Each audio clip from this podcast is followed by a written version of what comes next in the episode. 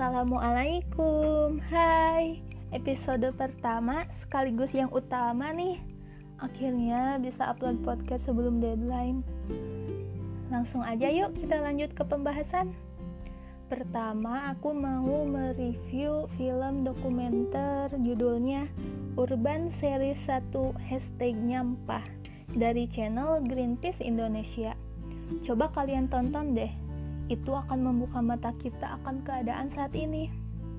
Wow, ternyata separah itu sampah-sampah di Indonesia. Kita mungkin gak terlalu peduli karena kita gak tahu gimana keadaan di TPST atau TPA. Wah, pas aku lihat TPST Bantar Gebang, gila, sampahnya banyak banget.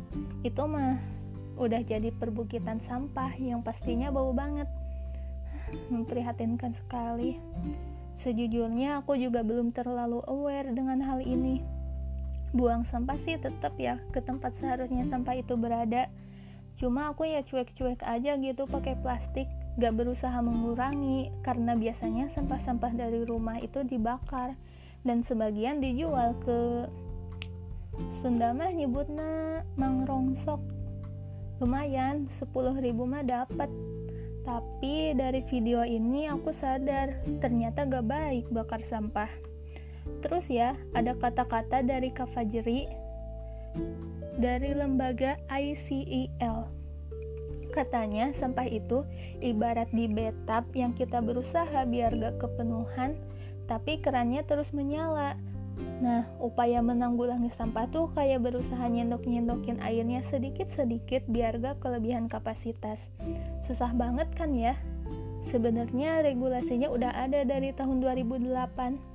Undang-Undang Nomor 18 tentang Pengelolaan Sampah. Tapi kesadaran kita masih kurang. Belum lagi banyak kebutuhan kita sehari-hari yang masih pakai plastik sekali pakai makin susah deh sampah plastik dikurangi. Yuk kita mulai perhatian pada masalah ini. Simpel aja dulu. Kurangi penggunaan plastik atau gunakan kembali plastik yang masih bisa dipakai. Atau buat jadi kerajinan. Ingat, kerajinan yang udah dibuat dipakai, dipajang. Jangan kayak aku pas sekolah. Disuruh buat kerajinan tangan dari sampah plastik, Eh, pas udah dinilai sama guru, ujung-ujungnya dibuang. Jangan ditiru ya. Kedua, istilah baru yang aku dapat dari video Urban Series 1 hashtag nyampah, aku dapat istilah FMCG atau Fast Moving Consumer Goods memproduksi kemasan plastik sekali pakai secara terus-menerus. Contohnya perlengkapan mandi, bungkus makanan, atau gelas plastik, botol plastik minuman.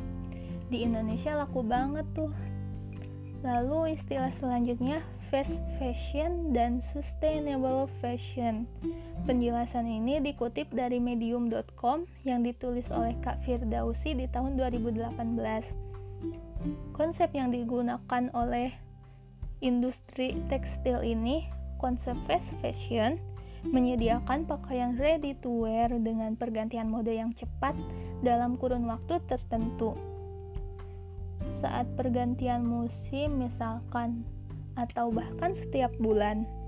Dampak dari pergantian mode yang begitu cepat, banyak hal yang harus dikorbankan biar target bisa dipenuhi, tapi dengan biaya produksi rendah melalaikan keselamatan pekerja, jam kerja, upah yang layak, itu gak diperhatiin. Lalu ada juga istilah sustainable fashion, dimunculkan sebagai antitesis dari fast fashion. Secara filosofis, konsep ini didasarkan atas rentang waktu pemakaian produk lebih lama, kualitas dan ketahanan lebih baik, proses produksi diperhatikan dengan baik, ditambah ramah lingkungan prioritas utamanya pada kualitas, bukan pada asal cepet jadi. Lalu ternyata ada lembaga ICEL, Indonesian Center of Environmental Law, atau Lembaga Pengembangan Hukum Lingkungan Indonesia. Dari video selanjutnya ada The Story of Plastic Trailer. Aku dapat istilah passive pollution Jujur, susah sih cari referensi polusi pasif ini apa. Cuma mungkin yang bisa aku simpulkan passive pollution ini polusi yang tidak kita sadari terjadi. Kayak kita buang sampah di sungai, tapi kita gak tahu ujung-ujungnya sampah itu akan bermuara di laut dan merusak laut akhirnya. Lalu dari video Plain Obsolescence ada istilah a circular economic model ini penjelasannya aku kutip dari wriindonesia.org yang ditulis oleh Kak David pada Agustus 2020. Model ini berprinsip produksi, gunakan, buang, dirancang untuk mengurangi sampah dan polusi, memperpanjang waktu pakai produk dan material juga. Dengan membangun ekonomi sirkuler di lima sektor kunci, yaitu semen, aluminium, baja, plastik, dan makanan itu bisa mengurangi 3,7 miliar ton emisi karbon dioksida pada tahun 2050. Dengan memperpanjang waktu pakai, kita bisa menghindari sampah. Bayangkan, satu ton handphone yang dibuang itu mengandung emas 100 kali lipat dari satu ton biji emas. Lalu ada istilah car sharing berbagi penggunaan mobil untuk orang yang membutuhkan kendaraan dengan pemilik yang tidak terlalu sering memakai mobilnya. Car sharing ini dianggap efektif mengurangi volume kendaraan serta mengatasi pencemaran udara. Uh, hal serupa contohnya washing machine sharing. Kita berbagi mesin cuci ke orang lain, misalkan ke tetangga. Nah, hal ini bisa menghemat ruang di rumah karena gak perlu tempat buat nyuci kan. Terus kita bisa punya mesin cuci yang jauh lebih bagus kualitasnya. Kalau ada masalah atau kerusakan pun bisa segera diperbaiki. Gak perlu ribet pokoknya. Kaitannya dengan ekonomi sirkular, kita gak perlu punya semuanya. Mulai bisa kita coba sharing dengan orang lain pada beberapa barang, apalagi kalau kita jarang pakai barang itu.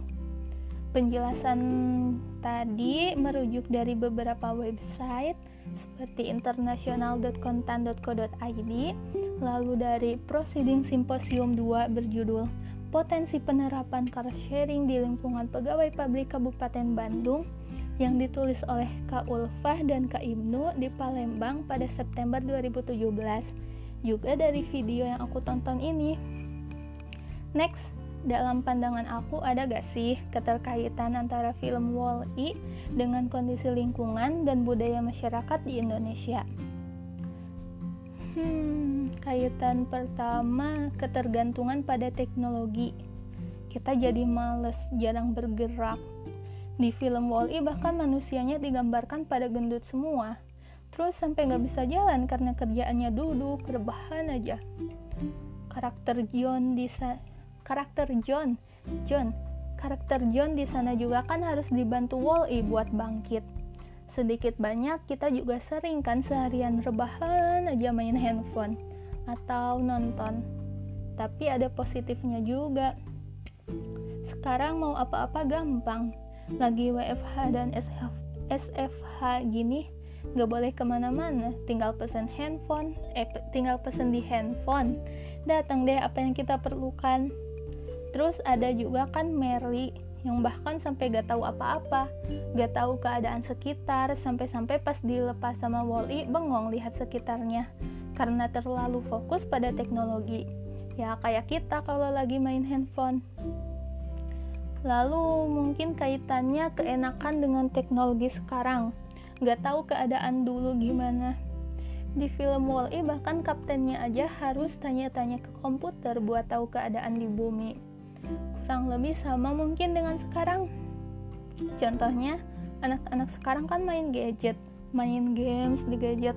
Gak tahu serunya permainan-permainan zaman dulu.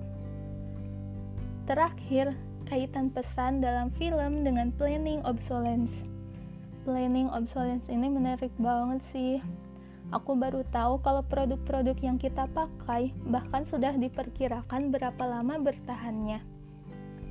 Kaitannya dengan film Wall-E menurutku hmm, gini kan ya, manusia udah memperkirakan dan merencanakan segala hal bagi manusia yang tinggal di ruang angkasa.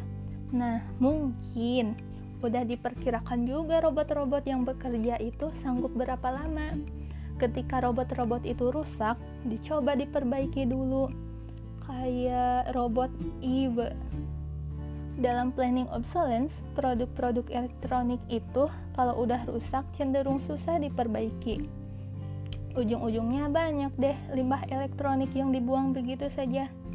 Di film Wall-E juga limbah-limbah dibuang begitu saja keluar angkasa terus kalau dengan Urban Series 1 hashtag nyampah mungkin kaitannya kalau produk-produk bisa bertahan jauh lebih lama dan saat rusak mudah diperbaiki, limbah-limbah atau sampah yang dihasilkan mungkin akan jauh berkurang. Kita juga bisa memanfaatkan kembali limbah dan sampah tersebut. Di video Plain Obsolescence juga dikatakan, When you buy quality products, there's no plain obsolescence. Kata-kata dari video ini menarik banget sih. Misalkan waktu kita mau beli handphone. Ada handphone yang bagus banget tahan lama tapi harganya mahal. Ada pilihan lain harganya lebih murah. Tapi sebenarnya itu tuh rentan gak tahan lama karena udah ada plain obsolescence material yang digunakan pun tidak terlalu berkualitas mungkin jadi sebagian besar dari kita mungkin akan memilih yang murah kan? Banyak faktor sih. Mungkin karena uang yang kita punya juga cuma juga cuma cukup buat beli handphone yang lebih murah itu. Atau teknologi sekarang kan berkembang sangat-sangat cepat. Jadinya cenderung cepat bosan dan merasa tertinggal kalau cuma punya satu gadget yang udah lama. Pengennya yang baru, yang lebih canggih gitu. Hmm, mungkin udah aja ya dari aku podcast kali ini. Kepanjangan ya maaf. Mudah-mudahan bermanfaat buat kalian yang setia mendengarkan. Maaf ya kalau boring dan ada kesalahan-kesalahan. Makasih banget udah mendengarkan salam hangat dari aku. Bye. Wassalamualaikum